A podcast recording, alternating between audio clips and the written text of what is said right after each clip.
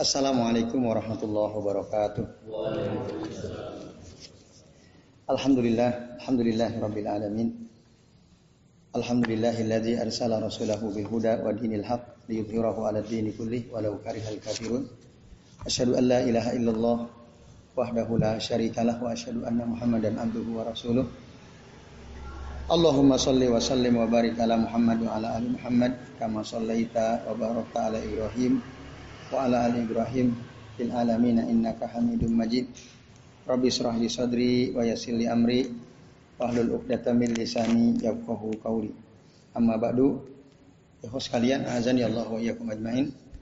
Alhamdulillah pada kesempatan malam hari ini kita bisa berjumpa kembali di majelis kajian kitab Nawakidul Islam. Insya Allah kita pada malam ini akan membahas An-Nakidu Al-Khamis, ya, pembatal keislaman yang kelima. Uh, apakah teman-teman masih ingat apa pembatal Islam yang keempat kemarin?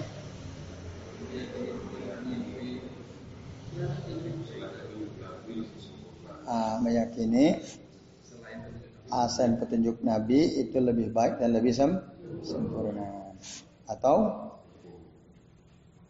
hukum selain hukum Nabi lebih baik dan lebih sempurna. Terus kekufuran itu ada dua macam. Masih ingat? Apa kemarin?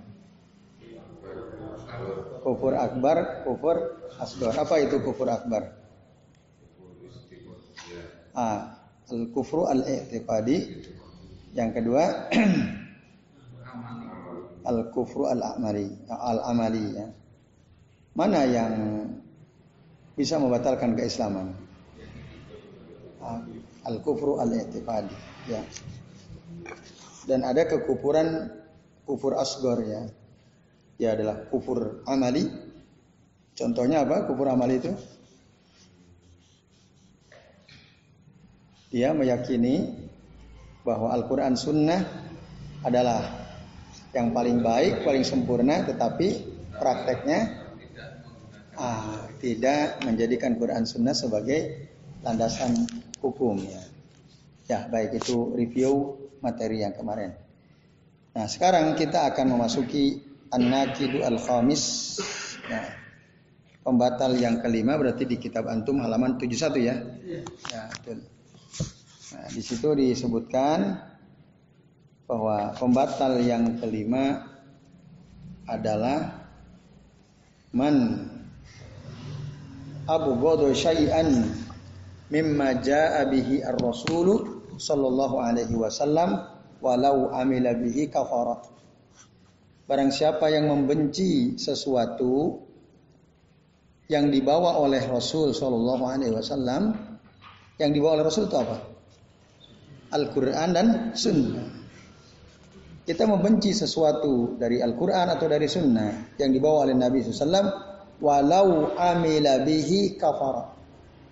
Meskipun dia mengamalkan, dia mengamalkan apa yang ada dalam Quran Sunnah, tapi dia benci, dia benci, dia nggak suka. Nah, itu bisa membatalkan keislaman kita, teman-teman sekalian. Ya. nah, Dalilnya, ya, muallif kitab Nawakidu al-Islam menyebutkan dalil Al-Quran dari surah Muhammad ayat 9. Ya. Allah subhanahu wa ta'ala berfirman, Zalika bi annahum karihu ma anzalallahu fa ahbata a'malahum. Nah, yang demikian itu disebabkan karena mereka karihu benci ya tidak suka ma anzalallah apa yang telah Allah tuh turunkan fa ahbatu a'malahum maka sia-sialah apa yang mereka sudah sudah kerjakan. Nah ini ya, ibu sekalian itu dalam surah Muhammad ayat ke-9. Nah, kalau ayat kita baca lebih lengkap ayat 8-nya jelas sekali walladzina kafaru dan orang-orang kafir itu fata'sallahum binasalah mereka wa adalla a'malahum. Mereka telah menghilangkan amal perbuatan mereka sendiri. Dzalika bi annahum karihu ma anzalallahu fa amalahum. Nah, hal nah, jadi sebut orang kafir. Jadi orang-orang kafir itu orang yang binasa. Bina kebinasaan bagi mereka sebagai apa? Wa amalahum dan amalan mereka itu sia-sia. Apa sebabnya? Dzalika bi annahum karihu. Hal itu disebabkan karena mereka benci ma anzalallah yang Allah turunkan amalahum ah, itulah yang membuat amal mereka itu sia-sia, nggak ada artinya. Orang yang amalnya sia-sia, ya orang kafir itu. Maka siapa saja yang karihu atau abu godo, benci dia kepada sesuatu ya dari Al-Quran maupun hadis Nabi SAW, sunnah Nabi Sallallahu Alaihi Wasallam, maka menjadi kafir dia. Sebagaimana dijelaskan dalam surah Muhammad ayat 8 sampai ayat 9 tadi. Nah ini ikhwas sekalian, azan ya Allah wa Nah oleh karena itu ya Janganlah kita membenci sesuatu walaupun sedikit, walaupun hanya satu bab dari Al-Qur'an maupun dari sunnah Nabi sallam. Jadi yang dimaksud ma'anzalallah itu dua, Al-Qur'an was sunnah. Karena Al-Qur'an itu adalah al-masdarul awal, rujukan pertama, was sunnatu al-masdarus sani adalah rujukan yang kedua ya setelah Al-Qur'an. Sandaran kedua setelah Al-Qur'an. Maka wajib bagi setiap muslim ya, dia mencintai apa yang telah Allah turunkan. Baik dalam Al-Quran maupun dalam sunnah Nabi Sallallahu Alaihi Wasallam sebagai konsekuensi dari kecintaan kita kepada Allah dan dan Rasulnya. Itu kan jelas tuh ayatnya. Kul inkana aba'ukum wa abna'ukum wa ikhwanukum wa azwajukum wa ashiratukum wa amwalun taraktumuha wa tijaratun takhsawna kasadaha wa masakinu tardawnaha ahabba ilaikum minallahi wa rasulihi wa jihadin fi sabilih fatarabbasu hatta ya'ti Allahu bi amri wallahu la yahdil qaumal fasikin jadi katakan seandainya bapak-bapakmu, anak-anakmu, saudara-saudaramu, pasanganmu, keluargamu, uh, harta yang engkau khawatirkan ke kerusakannya atau perdagangan yang kalian khawatirkan kerugiannya atau tempat tinggal yang kalian senangi itu lebih kalian cintai daripada Allah daripada Rasul daripada berjihad di jalan Allah fatarabbasu maka tunggulah hatta yati Allahu bi amri sehingga Allah akan datang dengan azabnya. Nah, menurut tafsir Ibnu Az-Zauzi makna hatta yati Allah bi amri itu salah satu maknanya adalah sampai Allah datang dengan azabnya Wallahu la yahdil qaumal fasikin dan Allah tidak akan memberikan petunjuk kepada orang fasik. Ayat ini salah satu intisari dari ayat ini bahwa kita itu harus lebih mencintai Allah Rasulnya daripada yang yang lainnya. Nah ini. Nah konsekuensi dari kecintaan kita, kecintaan kita kepada Allah dan Rasulnya adalah mencintai Al-Quran dan Sunnah, mengikuti Al-Quran dan Sunnah. Nah, itu kata Syekh Saleh bin Fauzan ya, ikhwas sekalian, azan ya Allah wa nah, Terus walau amila bihi, walaupun dia mengamalkan, dia tetap dianggap tidak beriman, walaupun dia mengamalkan. Nah, contoh siapa orang munafik? Orang munafik itu mengamalkan nggak apa yang disuruh oleh Nabi, mengamalkan nggak apa yang disuruh oleh Allah, mengamalkan. Saat Jumat mereka ikut ke Jumat, perang mereka ikut perang, Duduk di majelis ilmu, mereka duduk di majelis ilmu. Tapi mereka benci kepada Al-Quran dan, dan Sunnah. Nah, maka kalau kita buka surah An-Nisa ayat 61 ya, bisa sebutkan wa idza qila lahum ta'alu ila ma anzalallah wa ila rasul ra'aital munafiqina yasudduna anka sududa. Allah gambarkan keadaan orang munafik. Apabila dikatakan kepada mereka orang-orang munafik, mari ta'alu ilama anzalallah mengikuti apa yang telah diturunkan oleh Allah wa ila rasul dan apa yang telah diturunkan kepada Rasul ra'aital munafiqin kamu melihat orang-orang munafik itu ya suduna angka sududa. Mereka betul-betul berpaling. Tidak mau mengikuti Al-Qur'an dan Sunnah. Itu orang munafik. Kenapa? Karena benci. Mereka itu benci kepada Quran mereka benci kepada Sunnah walaupun zahirnya mereka ngamalin zahirnya mereka sholat ya mereka sholat maka digambarkan dalam Al-Quran ada dua sholat, bahkan Nabi mengatakan ada ya, dua sholat kalau kita jamaah maka kita dihitung sholat semalam suntuk. Nah, yaitu sholat sholat isya dan sholat subuh. Sholat isya dan subuh. Bagi siapa yang sholat isya dan sholat subuh berjamaah maka dia bari aminan nifak. Dia terbebas dari kemunafikan. Kenapa? Karena orang munafik itu nggak mau tuh sholat isya subuh jamaah. Kenapa? Gelap, orang ketok, rugi aku sholat. Orang nggak ada yang lihat saya. Tapi kalau zuhur, asar, maghrib banyak orang lihat. Maka mereka paling idza qamu ila sholati qamu kusala kata Allah. Ya orang-orang munafik itu kalau sholat sholatnya malas-malasan. Ya, terutama yang nggak ada orang atau yang malam nggak kelihatan. Nah itu orang munafik benci kepada syariat yang dibawa oleh Rasulullah SAW. Nah, sekalian, azan ya Allah wa ajma'in. Bahkan kedudukan orang munafik itu hukumannya lebih mengerikan daripada orang kafir asli orang kafir. Orang munafik kan secara zahir dia muslim, secara zahir. Tapi secara dalaman, secara keyakinan enggak dia kafir. Uh, secara dalamannya hatinya mereka benci kepada Islam. Nah, ini yang justru lebih berbahaya daripada orang kafir yang asli kafir. Maka dalam Al-Quran, ya, surah An-Nisa ayat 145, ya Allah Subhanahu wa taala berfirman, "Innal munafiqina fiddarkil asfali minan nari walan tajida lahum nasira." Sesungguhnya orang-orang munafik itu kelak nanti mereka akan berada di dasar api neraka, fiddarkil asfal. Neraka itu kan dalam sekali. Yang paling kerak paling bawah itu orang munafik. Yang paling bawah. Orang kafir masih di atasnya tuh. Paling panas, paling atas atau paling bawah? Ya paling bawah. Paling mengerikan orang Fiddarkil asfali minan nar walan tajida lahum nasira. Dan engkau Muhammad sama sekali tidak akan pernah bisa mendapatkan penolong untuk mereka. Ya, jadi mereka itu tidak akan ada yang bisa tolong. Itu orang-orang munafik azabnya itu ya betul-betul luar biasa. Maka dikatakan sini uh, lamma kanu yabghaduna dzalika fi qulubihim saru kufaran asaddal kufri wa azabuhum asaddal asaddal azab.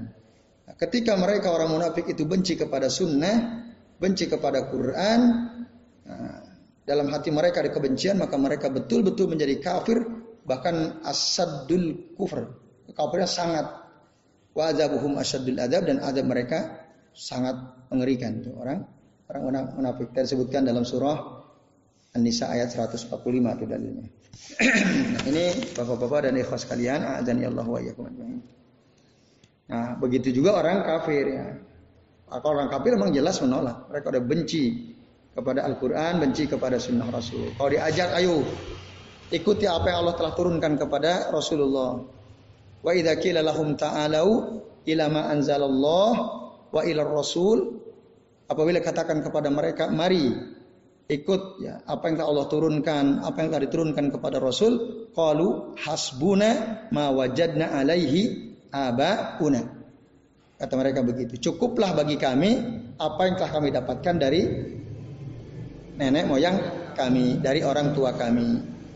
Awalau kana abauhum la ya'lamuna syai'aw wa la apakah meskipun nenek moyang mereka orang-orang tua mereka itu tidak tahu apa-apa nggak punya ilmu dan mereka tidak dapat petunjuk. Mereka tetap kami ikut nenek moyang kah? kami. Nggak mau ikut Quran nggak mau ikut sunnah. Dalam sunnah kan Rasul mengatakan begini enggak menurut guru kami begini menurut tokoh kami begini. Eh dalam Quran begini loh dalam hadis enggak kami ikut tokoh kami kami ikut guru kami. Ya sama aja dengan bahasa lain kan ada tuh. Orang-orang ketika disampaikan kepada mereka dalil dari Al-Quran dan Sunnah, tapi mereka nggak mau berubah. Alasnya apa? Karena kata guru kami begini. Nah, itu bukan dalil, tapi kata guru kami. Nah, ini maka ya antum hati-hati juga. Ketika berdalil, berhujjah, ya ngobrol dengan orang kembalinya kepada dalil. Bukan kata guru saya begini, kata Ustadz Bulan begini begini, tapi menurut Al-Quran, menurut Sunnah seperti ini. Nah, itu itu dalil paling pokok. Walaupun mungkin penjelasannya kita dengar dari Ustadz A, B, dan C ya. Tapi yang paling pokok ya kita hafal dalilnya dari Quran dan dari sunnah. Minimal hafal dari surah apa berapa. Minimal itu. Walaupun mungkin secara ini nggak hafal bunyi ayatnya, tapi kita hafal surahnya, ayatnya. Minimal kita hafalkan itu. Nah ini kalau hadis ya kita hafalkan hadis riwayat siapa. Nah, dan hadisnya saya atau tidak, minimal kita hafal itunya dan hafal oh ada dalam kitab ini. Hadisnya seperti ini. Minimal itu kan. Mungkin ngapalin teks hadisnya agak kesulitan kan? Ada kadang di antara kita. Ah, atau artinya saja. Sama rujukannya gitu. Nah itu. Nah itu ya sekalian. Nah orang-orang kafir enggak mereka. Kalau diajak ayo mari ikut apa yang Allah telah turunkan apa yang telah diturunkan kepada Rasul kata mereka hasbuna ma wajadna alaihi aba aba aba ana ya. ma wajadna alaihi aba ana nah, ini ikhwas kalian azani Allah wa iyyakum ajmain. Nah kemudian kita sebagai orang beriman harusnya tidak membenci. Harusnya tidak membenci Al-Qur'an tidak membenci sunnah. Walaupun sedikit tidak boleh kita benci. Orang mukmin itu harus mencintai apa yang datang dari Allah apa yang datang dari Rasul. Nah, makanya digambarkan oleh Allah di dalam Al-Qur'an surah An-Nur ayat 51. Allah berfirman, "Inna makana kaulal mu'minina idza du'u ila Allah wa rasulih." Sesungguhnya perkataan orang-orang yang beriman itu ya, ketika mereka diseru untuk kembali kepada Allah, kembali kepada Rasulnya, mereka hanya mengatakan liyahkuma bainahum supaya ya dijadikan dasar untuk menghukumi persoalan di antara mereka. Mereka hanya mengatakan ayyakulu sami'na wa ata'na. Ya. Wa ulaika humul muflihun. Hanya itu yang dikatakan oleh orang beriman. Eh, inilah Al-Qur'an Allah Subhanahu wa taala berfirman seperti ini. Padahal dia melakukan sesuatu yang bertentangan. Lalu dia bilang, Masya Allah, syukran jazilan ya akhi. Sami'na wa ata'na. Baik, saya mendengar apa yang kau katakan. Saya taat kepada apa yang ada dalam Quran. Saya tinggalkan amalan saya. Nah, harusnya begitu harus. Jangan malah kita cari-cari dalil ya ke mana-mana untuk mengokohkan kekeliruan kita. Nah, itu kan banyak orang seperti itu. Ya. Nah, jadi itu ada dalam satu forum gitu ya, ada forum.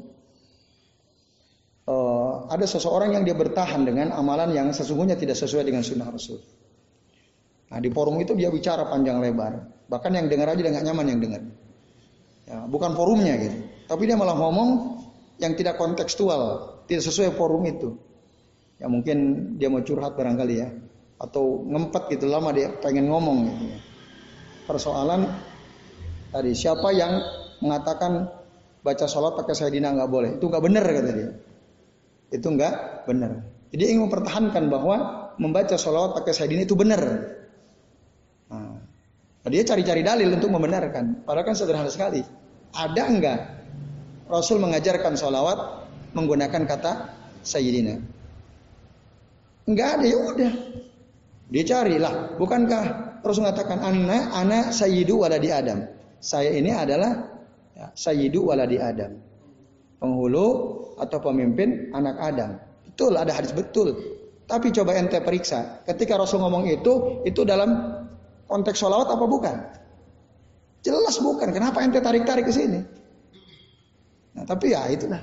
Ada yang pertahankan apa yang dia sudah yakini. Ketika disampaikan dalil kepada Rasul nggak pernah ngajarin itu, dia nggak mau, ya, nggak bergeming. Nah itu ada ada orang-orang seperti itu ya. Nah, banyak banyak dia bela sesuatu yang sesungguhnya tidak sesuai dengan dalil dari Al-Quran maupun dari Sunnah. Nah orang beriman tidak begitu. Kita harus sampaikan kepadanya dalam Quran begini. Ya, Rasulullah SAW mengajarkan kita seperti ini. Bahkan Rasul mengatakan, La tutruni kama atrat atratin nasara Isa ibna Maryam. Janganlah engkau memuji-muji aku secara berlebihan sebagaimana ya orang-orang Nasrani memuji Isa. Ya, Isa bin uh, Al-Masih alaihissalam berlebihan. Walakin kulu akan tetapi katakanlah anak Abdullah wa Rasuluh. Saya ini adalah hamba Allah dan Rasul. Rasul. Udah tidak lebih dari itu. Enggak mau Rasul dipuji-puji secara ber, berlebihan. Ya, kan jelas sekali. Maka kita nggak usah berlebih-lebihan. Yang terbaik dalam memuji Rasul itu adalah abduhu wa rasuluh. Maka dalam kalimat dua, uh, dua kalimat kan itu. Asyhadu an la ilaha illallah wa asyhadu anna Muhammadan abduhu wa rasuluh. Nah, itu ya, ibu sekalian. Maka orang tapi ada yang mempertahankan itu, menarik-narik dalil dan yang bukan dalam konteks itu ke situ. Maka ini gak benar. Allah bin Mas'ud radhiyallahu anhu mengatakan al-iktisadu fi sunnati khairun minal ijtihadi fil bid'ah. Sudah pernah dengar kan? Jadi merasa cukup dengan sunnah itu jauh lebih baik daripada kamu bersungguh-sungguh dalam perkara bid'ah. Kamu cari sana, cari sini, cari dalil, otak-atik sana sini untuk membenarkan kebid'ahanmu, nah itu nggak nggak baik. Lebih baik cukup sunnahnya bilang begini ya udah. Itu ikuti sunnah. Nah ini supaya kita jangan sampai terjerembab kepada kebencian kepada sunnah. Nah ini nanti lama-lama dia bisa benci kepada sunnah. Itu bahaya karena ingin mempertahankan apa yang dia yakini. Walaupun mungkin dia berdalil pakai sunnah lain gitu ya yang bukan bukan konteksnya. Nah, ini. Kemudian dalil yang kedua. Orang beriman itu ya, tandanya disebutkan dalam surah An-Nisa ayat 65. Fala wa rabbika la yu'minuna.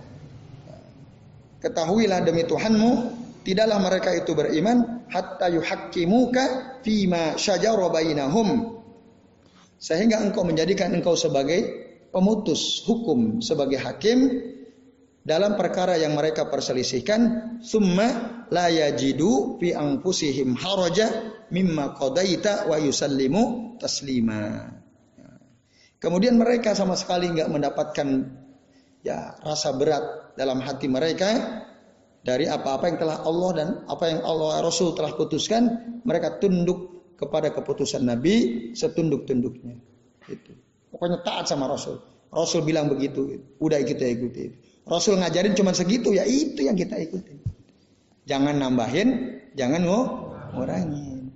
Nah itu. Jadi itu dasarnya surah apa tadi? An-Nisa ayat 65 itu penting jadi pegangan. Pala ya wa rabbika la yu'minuna hatta yuhaqqimuka fi ma syajara bainahum. Nah, itu. Terus wala la summa la yajidu fi anfusihim harajan mimma qadaita ya mimma qadaita wa yusallimu taslima. Nah itu sikap orang beriman itu digambarkan oleh Allah seperti itu. Ya, jadi selain dia tunduk samina wa ta'na, mereka enggak keberatan untuk mengikuti ketentuan Nabi Shallallahu Alaihi wa alihi Wasallam. Nah, maka kita jangan berpaling dari hukum Allah dan hukum Rasulnya. Karena tidak ada hukum yang lebih adil, tidak ada hukum yang lebih benar daripada hukum Allah dan hukum Rasulnya. Karena ketetapan Allah dan ketetapan Rasul itu sempurna. Ya, sempurna dalam kebenarannya, sempurna dalam keadilannya. Watammat kalimatu rabbika sidqau wa adla. Maka sempurnalah kalimat-kalimat Tuhanmu itu dalam kebenaran dan dalam keadilan. Maksudnya gimana? Semua informasi yang ada dalam Al-Quran berkaitan dengan masalah sejarah kehidupan masa lalu, ada kebohongan atau tidak?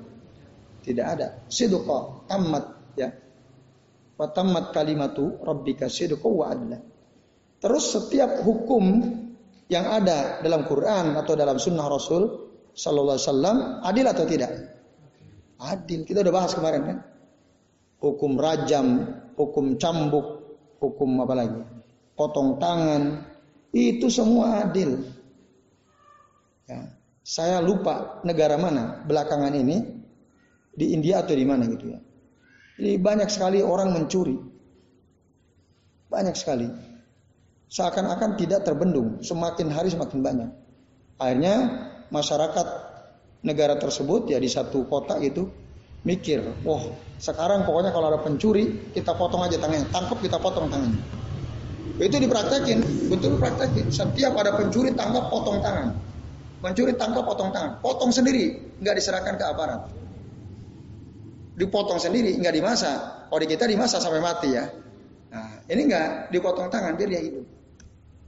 Mereka ingat, oh dalam salah satu ajaran Islam itu ada potong tangan, potong. Nah ternyata setelah itu dilakukan betul-betul berkurang pencurian, berkurang. Bahkan mereka ya, mendorong supaya anggota dewannya untuk melegalkan hukum potong tangan bagi pen, pencuri dan akhirnya di, dilegalkan. Kemudian negara-negara tetangga yang tahu itu memperlakukan hukum potong tangan bagi pencuri. Berkurang drastis jauh sekali. Nah, kalau di kita gimana? Kardun ya yang menuntut supaya hukum potong tangan di dilegalkan pasti disebutnya kadrun ya. Kadrun ya kadrun. Pakai baju kayak gini aja kadrun ya. Nah, kan sampai apa film sa, siapa? Nusa Nusa dan Rara itu kan. Allah Akbar sebut Taliban. Itu jahilnya mereka itu merokam ya. Nah itu berlipat-lipat kebodohannya. Nah ini ya. Kalau ditanya ente muslim bukan? Masa baju gamis dibilang Taliban, dibilang teroris dan seterusnya. Nah itu kan, itu kebenciannya, kebencian mereka kepada Islam. Nah, umat Islam tidak begitu seharusnya, tapi dia harus taat, dia tunduk, dia pasrah, taat kepada ketetapan Allah dan dan Rasulnya. Beda orang munafik. Nah, orang munafik itu emang nggak suka. Maka dalam surah Al-Munafikun ayat kelima Allah Subhanahu wa taala berfirman, Wa idza qila lahum ta'alu. Ya, yastaghfir lakum Rasulullah apabila dikatakan kepada mereka marilah. Ya, Rasul Allah akan beristighfar untuk kalian memohonkan ampun untuk kalian.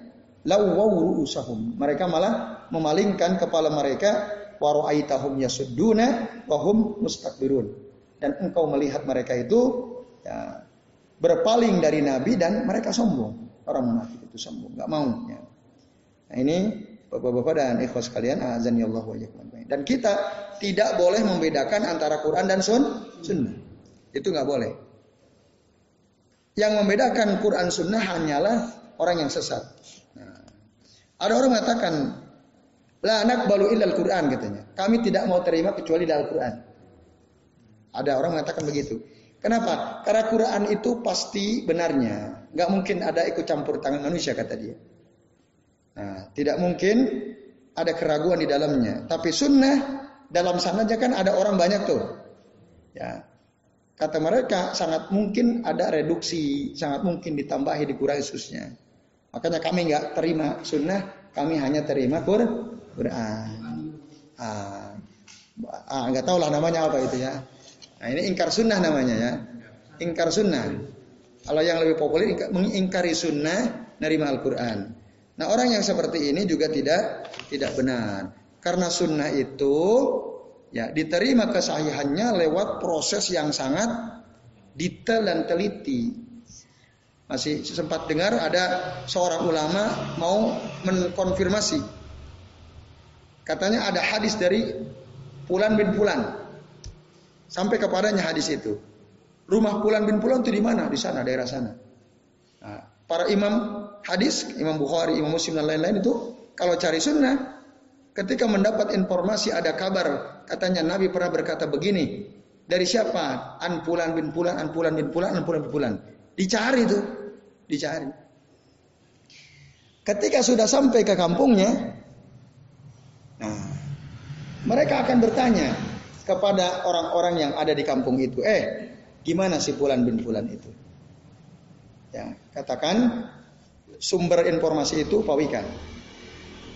Oh, di sana Semaki dekat Masjid Nurul rumahnya. Itu sumber informasinya. Dicari ke sana. Dicari Mas Apri dari sini deh, saya cari coba konfirmasi. Nah, sebelum nyampe tanya dulu jamaah masjid situ. Eh, yang namanya Pak Wika itu orangnya gimana? Nah, kalau mereka semua memberikan kesaksian baik, oh berarti dia adil. Adalah teruat. Oh, Pak Wika itu orangnya rajin sholatnya. Selalu sholat berjamaah, menjaga lima waktu jujur orangnya. Oh, hampir orang semua mengatakan begitu. Ah, cocok. Pas didatangi ke rumahnya, misalnya, Pak Wika lagi manggil-manggil ayam. Kruk, kruk, kruk, kruk, kruk, gitu ya. Pas ayam udah pada datang ke dia, ditangkepin, gak dikasih makan. Padahal taunya ayam ketika dipanggil mau dikasih makan. Ayam malah ditangkap, dikurungin. Itu nggak jadi diambil hadisnya. Kenapa? Dia bohong terhadap makhluk Allah. Nggak jadi itu. Nggak jadi diambil hadisnya. Nah gitu ceritakan oleh para ahli hadisnya. Hati-hati tidak itu? Hati-hati. Berani bohong dia. Ayam aja dibohongin. Ya, ayam dibohongin. Mungkin manusia dibenarkan bohong juga. Nah, sampai seperti itu. Jadi, Bapak-bapak dan ibu sekalian, hadis Nabi yang sampai ke kita yang sudah disahihkan, ya, ditasi oleh para hadis itu betul-betul prosesnya tidak sembah, tidak sembarangan. Kok ada orang nggak percaya kepada sun, kepada sunnah. Nah ini, maka tinggalkan orang-orang yang seperti itu. Nah kemudian oleh karenanya ya sini dikatakan orang yang ada kebencian dalam hatinya terhadap sesuatu yang dibawa oleh Rasul meskipun itu sedikit itu menunjukkan kemunafikannya dan menunjukkan nggak ada imannya tidak ada i, imannya kalau kalau kalau orang beriman dia tidak mungkin benci kepada apa yang dibawa oleh Nabi Shallallahu Alaihi Wasallam. Tadi dalilnya sudah disebutkan dalam surah Muhammad ayat 8 sampai ayat 9 nah ini. Nah kenapa kok mereka sia-sia amalnya? Nah, di bagian akhir surah Muhammad ayat 28 dikatakan dzalika bi annahum muttaba'u ma askhatallah ya ma askhatallah wa karihu ridwanahu fa ahbatu a'malahum. Disebabkan karena mereka mengikuti apa-apa yang membuat Allah marah. Mereka membenci keriduan Allah, maka sia-sialah amalan mereka dipertegas lagi di akhir surah Muhammad. Nah, Bapak-bapak dan Ibu sekalian, azan ya Allah wa Contoh apa di zaman kita sekarang? Ada enggak sih? Coba bisa nggak antum sebutkan contoh? Ada orang benci kepada ketentuan Quran dan Sunnah. Ada enggak? Contoh apa misalnya? Dia nggak suka, benci dia. Ah, nah itu hati-hati itu. Benci sama poli poligami. Ya, dibolehkan atau tidak poligami dalam Quran? Boleh kan? Jelas kan? Pangkihu ma tobalakum minan nisa'i masna wa sulasa wa in khiftum alla ta'dilu fa wahidah. Nikahilah wanita-wanita yang baik bagimu dua, bahkan sebut dua dulu. Dua dulu di mana tuh? Di Tunisia kalau nggak salah ya. Laki-laki kalau kawin cuma satu isinya akan didenda. Didenda itu, itu luar biasa karena itu protes dari kaum Hawa. Mereka ingin dipoligami. Udah lihat videonya kan? Itu ada videonya itu. Jadi warga Tunisia itu kaum wanitanya demo ya supaya pemerintah ya memaksa kaum laki-laki untuk punya istri lebih dari satu dan diterima usulan itu. Maka dibuatlah keputusan presiden Tunisia. Jadi kalau ada laki-laki istrinya cuma satu dia akan dihukum. Enggak tahu, oh atau tidak ya. Antum udah klarifikasi belum? Ya nggak tahu, ya nggak tahu. Nggak tahu. Jadi kalau dua istrinya, yang satu ditanggung negara. Kalau tiga istrinya, yang dua ditanggung negara. Kalau empat istrinya, yang tiga ditanggung negara. Ini cuma tanggung satu. Nah, maka kata orang-orang yuk pindah ke Tunisia katanya ya. Nah, Allah alam tapi apakah itu hoax atau tidak. Tapi tadi pembicaraan kita adalah poligami. Jangan sampai kita benci kepada syariat poli poligami. Kalau toh kita nggak bisa ya sudah. Jangan membenci yang membenci. Nah itu ya ikhlas kalian. Contoh itu. Terus banyak orang ben benci. Padahal itu sesuatu yang dibolehkan oleh syariat. Apalagi riba. Banyak orang nggak suka kalau dikatakan riba itu haram. Padahal jelas dalilnya. Wa ahallallahu al-bai'a wa harrama ar-riba. Allah menghalalkan jual beli dan Allah mengharamkan riba. Mereka benci itu kalau ada orang mengatakan riba haram, riba haram. Nah, mereka teriak-teriak semua negara di seluruh dunia itu pasti pakai sistem riba. Masa sih kita mau menentang sistem riba? Gak mungkin kita bisa lari riba. Udah deh, gak usah ngomong riba haram, riba haram. Mau kalau nggak ada riba kita nggak bisa ngapa-ngapain kata mereka. Mau bangun rumah pinjam uang juga susah, kan gitu. Udah nggak usah kamu bilang riba haram, riba haram. Benci dia kalau ada bilang, ada orang bilang riba haram. Nah itu bahaya itu. Meskipun satu bab dia benci dari Quran atau dari Sunnah, nah itu bahaya sekali. Maka hati-hati itu. Jangan sampai membenci ya, satu sedikit pun apa yang disyariatkan dalam Al-Quran maupun dalam sun, Sunnah. Apalagi misalnya Di zaman modern sekarang ini. Ya, orang tidak sadar sebenarnya dia sedang membenci syariat. Dia membenci Quran, membenci sunnah. Contoh gerakan feminisme. Nah, feminisme. Mereka nggak suka kalau laki dan perempuan dibeda-bedakan. Mereka nggak suka kalau yang kerja itu laki-laki aja, rumah di wanita di rumah saja.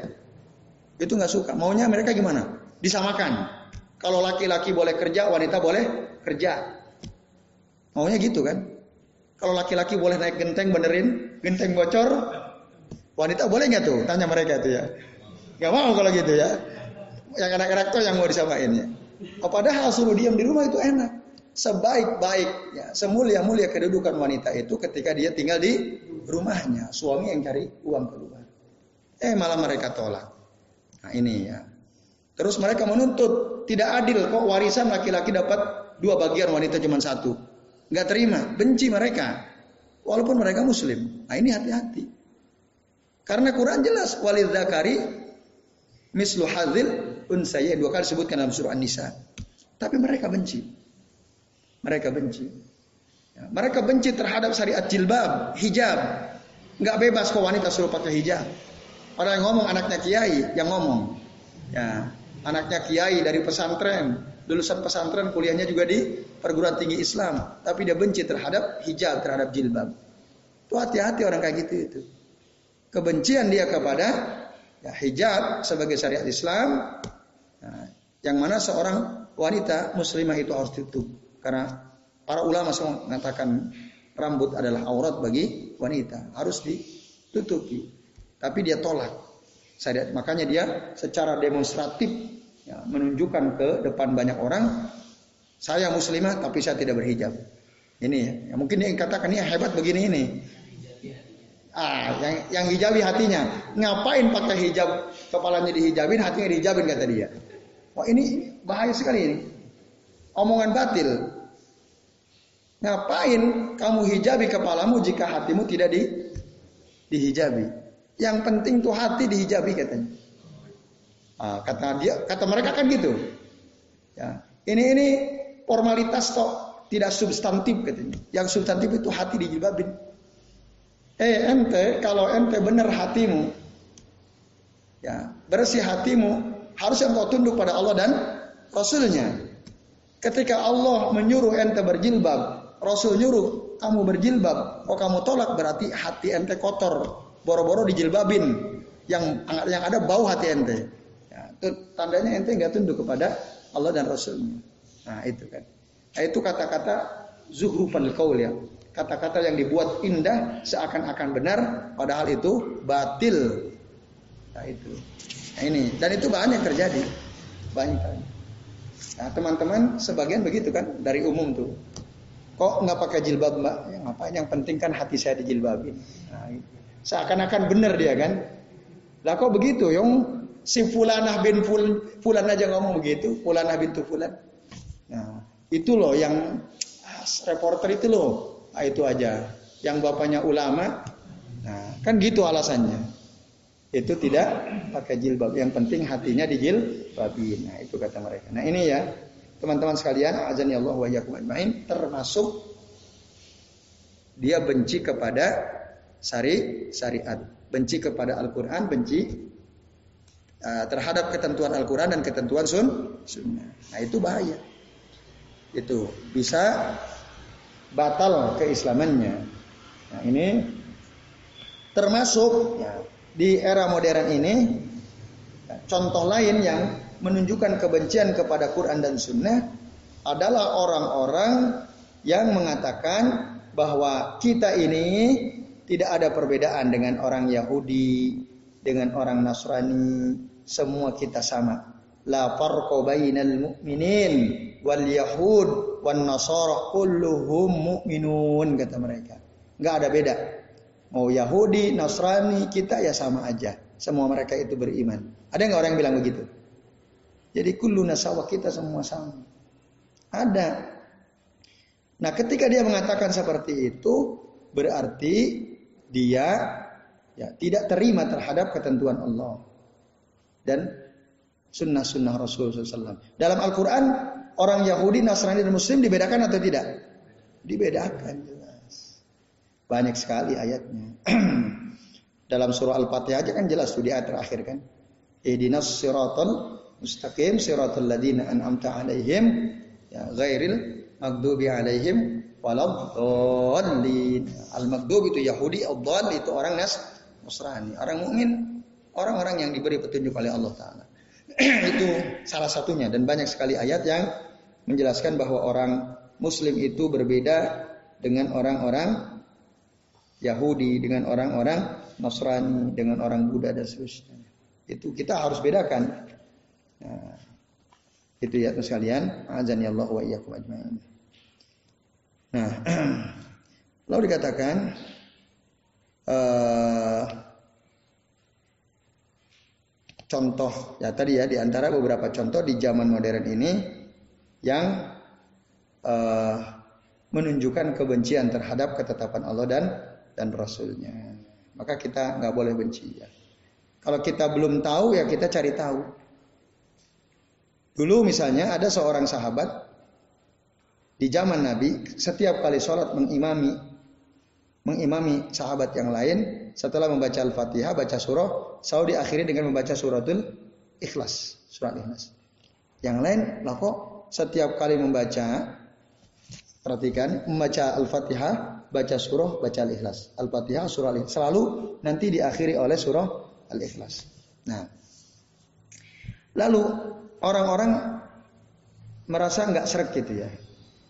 Ketika ketemu dengan Nabi SAW, mereka lapor. Lalu Nabi mengatakan, coba kamu tanya, kenapa dia selalu mengakhiri bacaannya dengan suratul ikhlas di dalam sholat. Lalu dia menjawab, anak uhibbuha, saya senang membaca surah ikhlas, li'annaha sifatul rahman. Karena al-ikhlas itu isinya kan menjelaskan tentang sifat-sifat Allah Zat yang maha yang maha rahman. Maka kata Nabi faqala lahu Nabi sallallahu alaihi wasallam inna hubbaka laha adkhalakal jannah sesungguhnya kecintaanmu terhadap surah Al-Ikhlas itu telah menyebabkan kamu telah memasukkan kamu ke dalam ke dalam surga. Atau dalam riwayat yang lain akhbiruhu annallaha yuhibbuhu. Kasih tahu dia bahwa Allah pun mencintainya. Nah itu. Maka ketika kita tahu ya orang selalu mengulang-ulang baca suratul Ikhlas, eh ternyata dibenarkan oleh Nabi, Ya kita nggak boleh benci. Misalnya ada imam selalu membaca surah Al-Ikhlas terus. Nah, jangan kita benci karena itu sesuatu yang bahkan kalau dia tujuannya karena kecintaannya kepada Allah, Allah pun mencintai dia. Nah ini bapak-bapak dan ikhwas sekalian, azan Allah wa iyyakum ya ajmain ya. Nah, kemudian di sini dijelaskan orang beriman itu tidak boleh mendahulukan perkataan orang lain. Orang muslim itu tidak boleh mendahulukan kata-kata orang lain atau tokoh ya dibanding Quran dan Sunnah.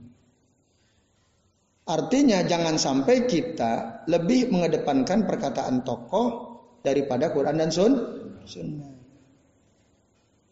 Ya. Dalam hadisnya sudah jelas, dalam ayat sudah jelas bahwa riba itu haram, tapi enggak menurut Syekh Pulan, menurut Kiai Pulan itu boleh kok. Lah, ayatnya kan jelas wa ahallallahu bai'a wa riba. Dia masih berdalil, berargumen dengan perkataan oh, orang. Itu. Apalagi kalau dia mengutip organisasi perdagangan dunia, apa namanya itu? Yang di bawah PBB. WHO kan kesehatan. Kalau perdagangan apa? Ya opola. Ah, UNESCO apa apa itu ya? Ya, ya itulah kira-kira. Ah, mengutip menurut dewan yang ada di organisasi PBB riba itu nggak apa-apa, masya Allah dia ikutip itu, ya. Dia mengutip pendapat toko ini toko internasional loh kata dia. Nah, nah menurut PBB loh ini, nah ini ya. Maka yang seperti itu berarti dia ya, mendahulukan perkataan manusia ya, daripada perkataan Allah dan Rasulnya. Padahal dalam surah Al-Hujurat ayat 1 jelas. Al-Hujurat ayat 1 jelas. Allah Ta'ala mengatakan, Ya ayyuhalladzina amanu, hai orang-orang yang beriman. La tuqaddimu baina yadayillahi wa rasulih wattaqullah innallaha sami'un alim. Ya hai orang-orang yang beriman, berimanlah kepada Allah dan Rasulnya. Janganlah kalian mendahulukan ya, la tuqaddimu baina yadayillahi wa rasulihi. Jangan mendahulukan yang lain ya di hadapan firman Allah dan sunnah Rasulnya. Jangan bertakwalah kepada Allah. Nah, dalam tafsir Al-Muyassar dikatakan, hai orang-orang beriman kepada Allah Rasulnya, janganlah kalian menetapkan suatu perkara berdasarkan pandangan orang, bukan berdasarkan Al-Quran dan sunnah Rasul. Jangan. Nah kalau begitu nanti fatabtadi'u kalian telah berbuat bid'ah. Maka wa khafullah fi qaulikum wa fi'likum takutlah kalian kepada Allah ya, dalam perkataan kalian dalam perbuatan kalian an yukhalifa amrullahi wa rasul wa rasulih. Ya. Takutlah kalian kepada Allah dalam perkataan kalian dalam perbuatan kalian yang menyelisihi perintah Allah dan perintah perintah Rasulnya. Karena Allah Maha mendengar. Itu. Jangan sampai kita mendahulukan perkataan orang daripada perkataan Allah dan perkataan Rasulnya. Bahkan saya Abdul Aziz bin Bas rahimahullah ketika ditanya, ah, ya Syekh, boleh enggak ketika saya keluar masjid, kan sendal saya terpisah nih saya. Sendal saya terpisah. Yang sendal sebelah kanan itu menjauh. Yang paling dekat sendal kiri. Boleh nggak saya pakai yang kiri dulu kemudian pakai pakai yang kanan? Nah, kata beliau apa?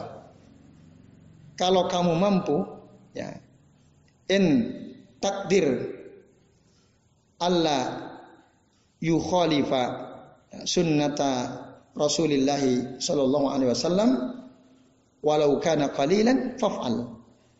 Seandainya kamu mampu tidak menyelisihi sunnah Rasul SAW meskipun kecil lakukan itu. Ya, berusahalah untuk tidak menyelisih sunnah Rasul meskipun sedikit. Kan remeh itu ya. Maka sendal kiri dulu sih masa nggak boleh sih saya. Oh, cuman sendal kok. Ya, kalau ente bisa nggak menyelisih sunnah, jangan diselisih sunnah. Kadang-kadang gitu kan. Saya sendiri kan kadang ya minum nih sambil berdiri. Saya selalu ingat kata-kata Syekh bin Bas itu. Kalau kamu bisa tidak menyelisih sunnah, lakukan. Apa susahnya duduk dulu sebentar minum kan gitu. Nah, kan kadang-kadang kita lagi minum ah sambil berdiri nggak masalah lah. Padahal sebenarnya kita bisa duduk. Nah, saya selalu ingat itu. Kalau kamu mampu tidak menyelisih sunnah Rasul meskipun sedikit lakukan.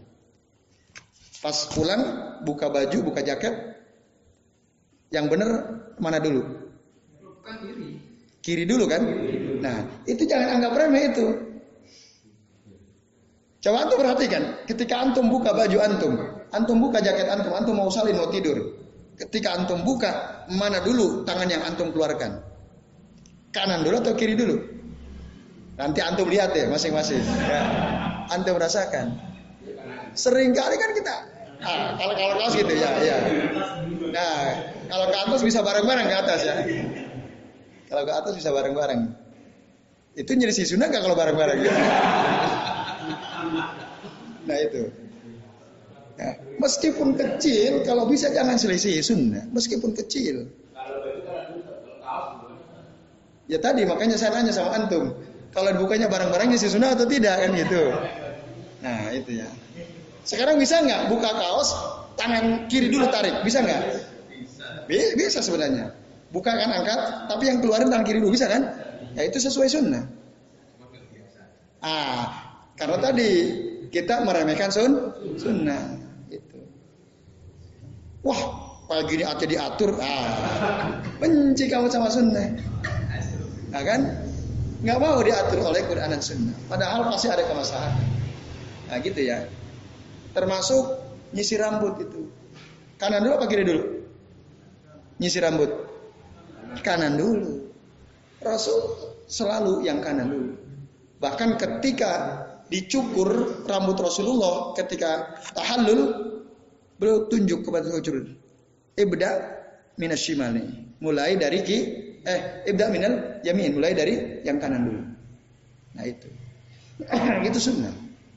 Nah itu maka teman-teman sekalian jangan sampai kita menjadi sunnah sebisa mungkin. Sekecil apa pun.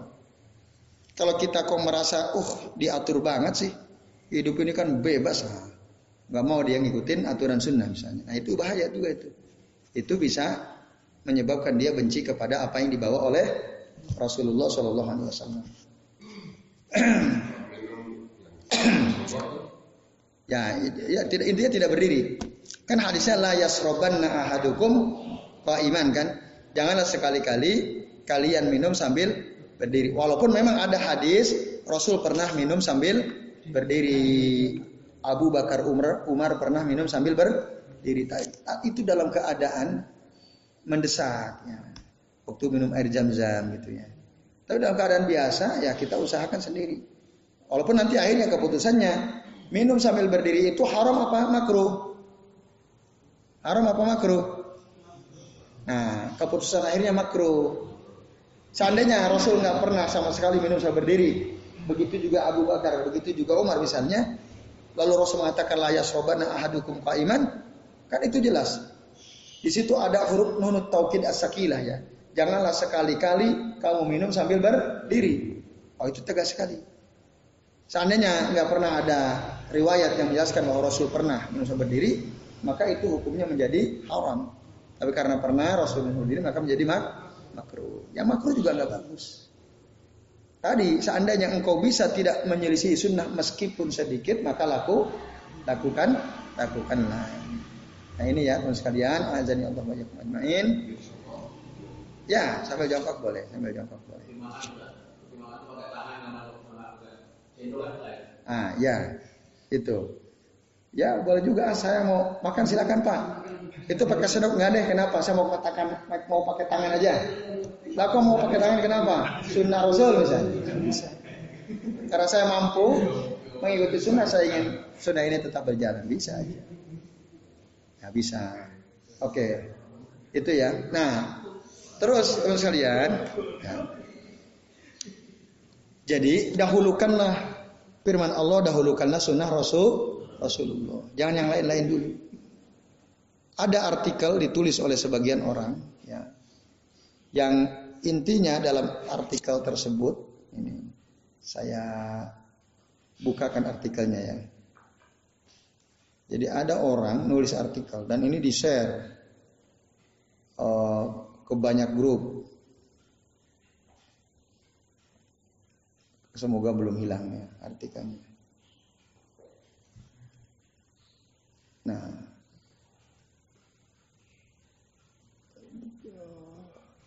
Nah, mau ikut Nabi apa ikut ulama? Nah, ini. Coba kalau ada orang bertanya mau ikut Nabi atau mau ikut ulama? Nah, tulisan ini mempersoalkan pertanyaan itu. Mau ikut Nabi atau mau ikut ulama?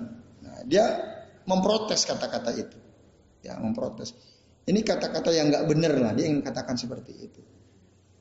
Nah, intinya boleh kita mengutip pendapat tokoh, pendapat ulama, nah, dan mendahulukan itu. Kira-kira kalau saya pahami ya, dia ingin mengatakan bahwa kata-kata mau ikut Nabi apa ikut ulama itu keliru. Ya.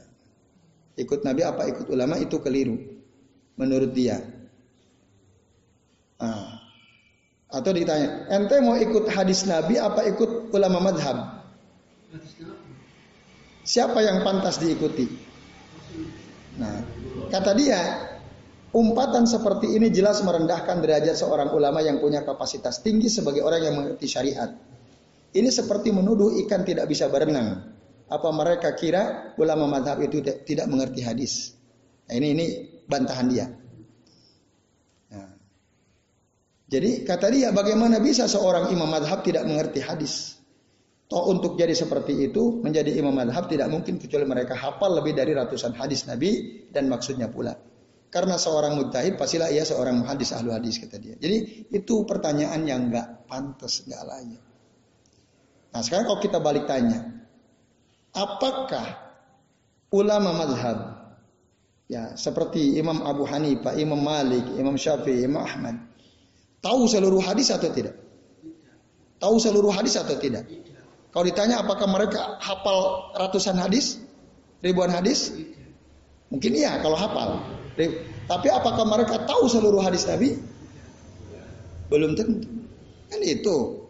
Jadi sangat mungkin Imam Syafi'i tahu hadis ini, tidak tahu hadis itu. Pun demikian Imam Abu Hanifah, Imam Ahmad, Imam Malik. Mungkin mereka tahu ini, tapi tidak tahu yang itu. Nah, maka ada kitab yang ditulis oleh Syaikhul Islam Yutamiyah ya, Robul Malam an Aimatil A'lam. Itu kitabnya bagus ya. Nah, di situ jelaskan ketika terjadi perbedaan pendapat di antara para ulama, salah satu sebabnya apa? Informasi yang sampai kepada mereka. Info ini mungkin sampai kepada si A, tapi tidak sampai kepada si B. Itu. Jadi memang kita harus kembali kepada Nabi. Apalagi kalau sudah jelas apa yang dikatakan oleh ulama tersebut, yang disimpulkan oleh ulama tersebut bertentangan dengan hadis nah, Nabi. Ya tapi memang syaratnya kita harus belajar. Ya kita nggak boleh ngomong mau ikut Nabi apa ikut ulama. Mau kita nggak pernah belajar hadis Nabi, ya kan percuma. Ya kita harus tahu tentu saja. Kita harus mengerti, mempelajari hadis-hadis Nabi SAW. Nah, perhatikan kata-kata Allah bin Abbas radhiyallahu anhu. Nah, jadi dulu itu sering para sahabat ngobrol gitu ya. Ketika ngobrol-ngobrol, nanti yang dikutip itu kata-kata sahabat senior. Ya. Kola Abu Bakar, kola Umar, kola yang lain-lain. Padahal dalam perkara yang diobrolkan itu sudah ada hadis Nabi. Nabi udah ngomong sebenarnya, tapi mereka malah mengutip kola Abu Bakar, kola Umar, kola Fulan, kola Fulan. Apa kata Allah bin Abbas? Yusaku an tanzila alaikum hijaratan minas sama. Ya, hampir saja akan turun hujan kepada kalian, hujan batu dari langit. Kenapa? Aku lakum qala Rasulullah wa taquluna qala Abu Bakrin qala Umar. Aku sudah bilang Rasul mengatakan begini, eh kalian malah bantah aku. Kan Abu Bakar bilang begini, Umar bilang begini. Kalau aku udah bilang, qala Rasul. Nah, ada yang kayak gitu? Ada sejak zaman sahabat bahkan. Ada. Apalagi zaman sekarang. Banyak kita udah bilang kalau Allah Taala dalam Al-Quran begini, kalau Rasul SAW begini begini. Ya kan menurut profesor dokter ini begini. Ya, gitu ya. Nah, itu banyak yang nggak begitu. Nah ini berarti dia mendahulukan kata-kata tokoh daripada Al-Quran dan Sun Sunnah. Nah ini, ini hadis dari Allah bin Abbas ini hadis riwayat Imam Ahmad ya disahihkan oleh Ahmad Syakir rahimahullah. Nah, maka ini penting sekali ya. Banyak orang nggak tahu. Ya. Banyak orang nggak tahu. Jadi saya kira ini ya Bapak-bapak dan ikhwas sekalian, azan ya Allah wa ajma'in. Jadi jangan sampai kita mendahulukan ya, perkataan seseorang di atas Quran dan Sun, Sunnah. Apalagi kalau kita sampai membenci ya sedikit saja dari Quran Sunnah. Meskipun barangkali kita mengamalkan, walaupun kita ngamalin, tapi kita benci, kita tetap ngamalin kalau kita benci, yaitu bisa membatalkan keislaman. Gitu ya teman sekalian. Ya, kita benci. Nah, seperti orang munafik itu. Orang munafik itu kan gak suka. Tapi ngamalin gak mereka? Ngamalin. Makanya mereka innal munafiqina fid asfali minan minan nar. Jadi saya kira ini ikhlas sekalian azan ya Allah wa iyyakum ajmain. Ini sudah jam 10 lewat 4. Ya, sebelum diakhiri barangkali ada di antara ikhwas sekalian yang mau bertanya kami persilahkan. Sudah jelas ya? Ada. Oh, oke. Okay. Mas Isna dulu baru Mas Abri. Hmm. Saya pernah dengar ketika Abu Bakar itu di depan Hajar Aswad dia bilang kalau Rasul kalau tidak memberi contoh untuk dia Hajar Aswad saya akan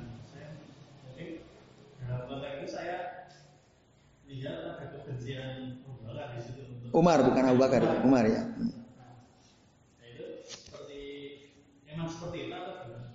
Iya, itu benar. Umar pernah mengatakan hal itu.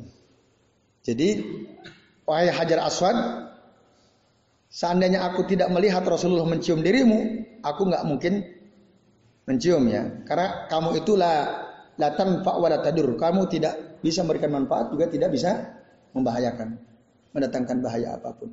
Tapi karena Rasul mencium kamu, aku pun cium kamu. Nah, apakah itu menunjukkan kebencian? Enggak. Justru menunjukkan ketaatan kepada Nabi. Apa yang lakukan Nabi, meskipun menurut akalnya nggak masuk, diikutin kan itu.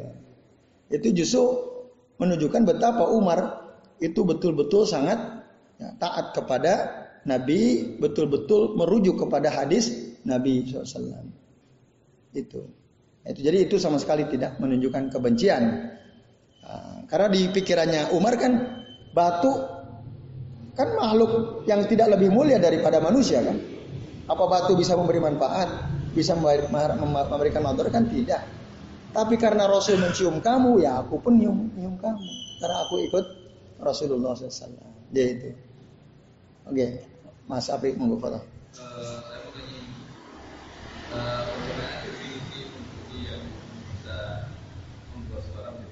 Apakah kalau bahasa umumnya itu kan ada uh, ini tadi. Nah.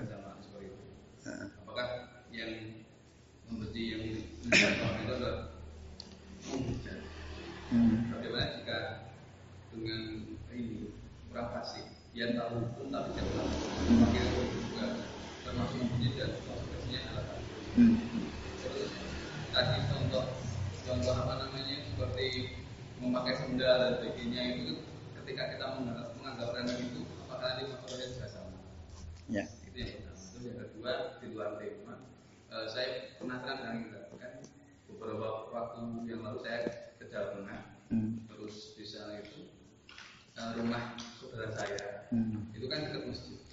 Cuman waktu asarnya itu mundur jauh. hmm. Jadi, bukan jam 3 bukan jam 3 eh kok asar dulu hmm. jam satu baru asar hmm.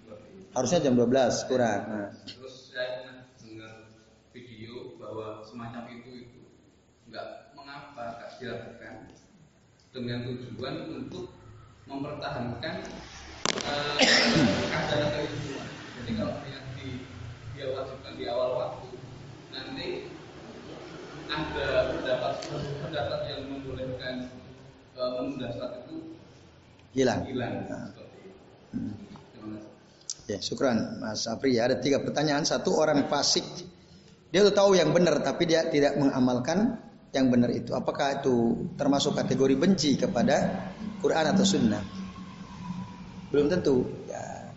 Kebencian itu ya, letaknya dalam hati.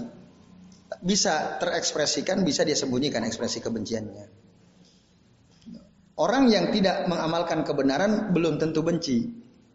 Maka orang fasik selama tadi dalam hatinya tidak ada kebencian, kan orang fasik bisa jadi benci, bisa jadi tidak kan? Kalau dia disertai kebencian, yaitu yang fakod kafar. Tapi kalau dia kepasikannya itu bukan benci, sama saya tahu Quran Sunnah itu paling benar. Tapi kalau saya ngikutin Quran Sunnah, wah saya nggak dapat uang nih misalnya ya, saya nggak dapat rezeki nih kan gitu. Misalnya, akhirnya dia melakukan sesuatu yang sebenarnya nggak sesuai dengan Quran Sunnah. Dia jadi makelar tanah gitu kan. Kalau saya nggak bohong dikit, dapat uangnya dikit. Tapi kalau bohong, uangnya bisa banyak gitu kan. Padahal tahu bohong itu dosa. Ah tapi kalau saya nggak bohong, saya cuma dapat sejuta. Tapi kalau saya bohong, saya bisa dapat 25 juta. Misalnya kan, Nah, karena kata yang yang punya tanahnya nggak boleh segitu kan gitu. Mungkin nggak? Mungkin kan? Akhirnya dia bohong. Padahal dia tahu udah bohong itu dosa. Nah maka, tapi dia nggak benci sama sekali kepada apa yang ada dalam Al-Quran. Nggak benci. Cuman dia hanya nyari keuntungan ngikutin syahwatnya. Nah itu tidak tidak otomatis dia benci. Nah maka kalau dia tidak ada kebencian dalam hatinya, itu tidak tidak tidak kafir karenanya. Itu maka dibedakan ada Abu Ghadus Syai'an itu ada kebencian dalam hatinya. Ya, terus yang kedua menganggap remeh sunnah. Ya kembali pada hatinya. Ketika dia anggap remeh sunnah itu ada disertai kebencian atau tidak? Kalau enggak disertai kebencian ya enggak. Enggak. Tadi soal sendal gitu ya. Aduh, kok sendal kanan saya di sana? ah pakai kiri aja deh daripada nyeker dua-duanya kan panas lagi. Nah, misalnya gitu ya. Tapi nggak ada kebencian sama sekali pada sunnah, itu tidak. Nah itu. Kalau dia benci, ah sunnah ini. Nah, dia dia benci, ah nggak beres ini. Nah, misalnya, ah saya pakai kiri aja deh duluan gitu ya. Nah itu baru meskipun kecil, man godo syai'an, meskipun sedikit. Kalau kita benci, ah itu fakod kafar. Yang terakhir, menunda waktu azan. Padahal waktu sholat sudah tiba, azannya ditunda satu jam atau satu jam setengah. Ada alasan atau tidak? Jika ada alasannya nggak ada masalah. Karena Rasul dulu begitu. Ketika waktu sholat sudah tiba, ada sahabat azan kata Rasul nanti dulu, nanti dulu. Abridu bisola, abridu bisola. Tunggu sampai dingin dulu baru kita sholat zuhur. Jangan azan dulu ini masih panas. Rasul nyuruh tunda nanti aja. Nah, jalan sudah jauh ketemulah bukit. Nah, di situ agak dingin karena matahari terhalangi oleh bu bukit. Kata Rasul sekarang silakan azan. Nah, kita sudah mendapatkan naungan ya dingin. Kok tunda lama tuh berjalan udah lama. Nah, itu dalil bahwa kita boleh mengakhirkan azan sholat jika ada alasannya, ada sebabnya. Jika tidak ada maka nggak boleh. Nah sekarang kita tanya kenapa di sini kok kalau adzan zuhur selalu diakhir-akhirkan? Ya, selalu diakhirkan sampai jam 1. Kenapa? Tanya dulu alasannya kan. Nah kita belum bisa menghukumi kalau belum tahu alasannya. Nah kalau mereka punya alasan, nah baru kita bisa menilai alasannya syar'i atau tidak kan begitu. Nah, kan ada ada juga saya pernah dengar gitu di satu kampung di pedalaman itu kalau sholat asar ini asar. Itu jam setengah lima baru adzan asar. Kenapa? Karena pada umumnya mata pencaharian mereka adalah bertanam ya, cocok tanam petani. Ya kalau adzannya jam 3, mereka masih di sawah. Tunggu sampai mereka pulang mandi. Nah, biasanya mereka kalau jam setengah lima itu udah beres. Nah, baru diazanin. Nah alasan seperti itu boleh atau tidak? Boleh atau tidak? Nah, da, boleh tadi mengakhirkan sholat jika ada sebab, boleh jika ada sebab. Tapi sebabnya itu syar'i atau tidak itu kan. Nah, itu kan ingin mempertahankan supaya apa?